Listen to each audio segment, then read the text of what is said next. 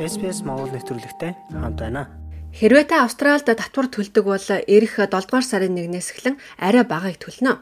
Ихэнх ажилчид одоо байгаа татварын шатлалаас арай бага татвар төлөхөөр болсон ч энэ нь маргаан дагуулсан асуудал хэвээр байна. Холбооны засгийн газрын сэнчилсэн төлөвлөгөөгөөр дундаж австралчуудад амжиргааны өртгийн дарамтаас ангиж шарахад туслан хэмээн мэдэгдэж байгаа. Гэсэн ч сөрөг хүчин амлалтаа зөрчсөн хэрэг боллоо хэмээн хөдөлмөрийн намыг шүүмжилж байна. Энэ татварыг бууруулснаар жилийн орлого нь 150 мянган доллар ба түүнээс дээш орлоготой хүмүүс татварын хөнгөлөлт эдлэх боловч анх танилцуулж байснаас арай бага үр шимийг хүртэж байгаа юм. За ингээд татварыг хэрхэн бууруулж байгааг тайлбарлан ярилцъя. Өмнөх хамтарсан засгийн газрын 2019 онд баталсан татварын багц хуулийн нэг хэсгийг өөрчилж байна. Багдуунд орлоготой өрхүүдэд хөнгөлөлт үзүүлэх зорилгоор татварын хөнгөлөлтийн 1 2 дугаар шат аль хэдийн хэрэгжиж эхэлсэн.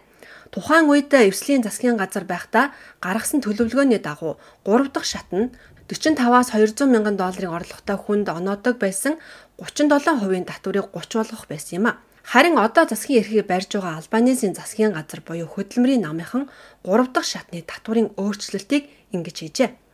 Тэд шинэ бодлогын дагуу 135 мянган доллараас дээш орлоготой хүмүүсийн 37%-ийн татварыг хിവэрүүлдэж харин татварын хамгийн өндөр хувь хэмжээ буюу 45%-ийн татварыг 180 мянган доллараас дээш орлогод тавьдаг байснаа 190 мянган доллараас эхлүүлэхээр болжээ.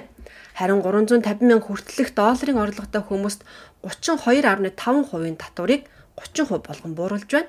Тэгвэл 45 мянга хүртэлх орлоготой иргэдээс 19%-ийн татвар авдаг байсныг 16 болгожээ татварын 3 удаагийн бууралт нь таны хувьд яаж тусах вэ? Энэ шин татварын бууралтанд 7 дугаар сарын 1-ээс эхлэн хэрэгжиж эхэлнэ. Ихэнх ажилчдын хувьд ашигтай буюу арай бага татвар төлөхөр байгаа юм. Харин өндөр орлоготой хүмүүсийн хувьд татвар бараг 2 дахин буурч байна. Дунджаар 50 мянган долларын орлоготой хүмүүс жилд 929 долларыг халаасандаа үлдээх бол 73 мянган долларын цалинтай хүн 1500 долларыг татвараас хэмнэхээр байна. Харин 100 мянган долларын орлоготой хүмүүс 2100 долларыг энэ шин татварыг бууруулсан бодлогоор хаалгаслахаар байгаа юм. За хамгийн өндөр буюу 200 мянган долларын цалинтай хүмүүсийн төлөх татвар 9075 доллараас 4500 болгон буурчээ. Бид нэвтрүүлгийн тайлбар хэсэгтээ таны орлогоос хамааран өмнө нь ямар татвар төлөх байсан за харин одоогийн шинэ өөрчлөлтөөр та хэдэн долларын татвар төлөх вэ гэсэн харьцуулалтыг хүснэгт болгоо оруулсан байгаа. Та өөрийн төлөх татвараа хэрхэн буурч байгааг хараарай. За тэгвэл энэхүү татварын шинэ өөрчлөлт яагаад шүүмжлэлт агуулсан тухайд одоо ярилцъя. Эвслийн 3 дугаар шатны багц төсөл нь бага орлоготой хүмүүсээс илүү өндөр орлоготой хүмүүст илүү ашигтай байсан гэсэн шүүмжлэл иргэдийн дунд гарч байсан. Энэ төлөвлөгөөний дагуу өндөр орлоготой хүмүүс бага орлоготой ажилчтай харьцуулахад хэдэн 100 доллараар илүү их үр ашиг хүртэхээр байгааг 11-р сард хийсэн Австралийн Anglicare-ийн дүгнэлтээр ч тогтоосон байдаг. Энэ шүүмжлэлтэд хандаж байгаа хүмүүс одоо танилцуулж байгаа хөтөлмөрийн намын өөрчлөлтийг сайшааж байна. За гэвч ерөнхий сайд Антони Албанези 2022 онд наман сонгогдсноос хойш 3 дахь шатыг өөрчлөхгүй гэсэн тайлбар өгч байсан. За харин өнөөдрийн энэ өөрчлөлтийг хийснээр түүнийг амлалтаа биелүүлээгүй хэмээн сөрөг хүчнийхэн хөдөлмөрийн намыг шүүмжлэх нэг бай болголоо. Тэгвэл хөдөлмөрийн нам яагаад байр сууриа өөрчлөх болсон бэ? За тухайн үед буюу 2018 онд Эвслийн засгийн газар татварын хөнгөлөлтийн 3 дахь шатыг танилцуулж байхад дэлхийн эдийн засаг илүү хүчрэхэг, илүү эерэг байсан нь Австралид дэмтэй байна хэмээн харагдаж байсан.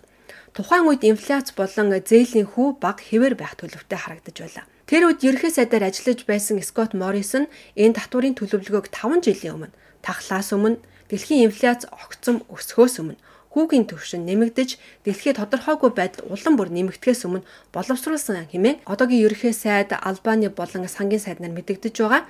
За энэ нь өөрчлөгдөж байгаа нөхцөл байдлын улмаас хамгийн их дарамтанд орсон хүмүүст туслахад хангалтгүй балан хангалтгүй төлөвлөгөө байсан юм а гэж тэд учралжээ. За Чармес пүрэв гарагт ABC радиод ярилцлага өгөхдөө шинэ төлөвлөгөө нь дундаж австралчуудад илүү сайн бөгөөд амжиргааны зардлыг бууруулахад нь туслана хэмээн онцолсон бол сөрөг хүчнийхэн Албаныг амлалтаа зөрчсөн хэмээн буруутгаж байгаа юм.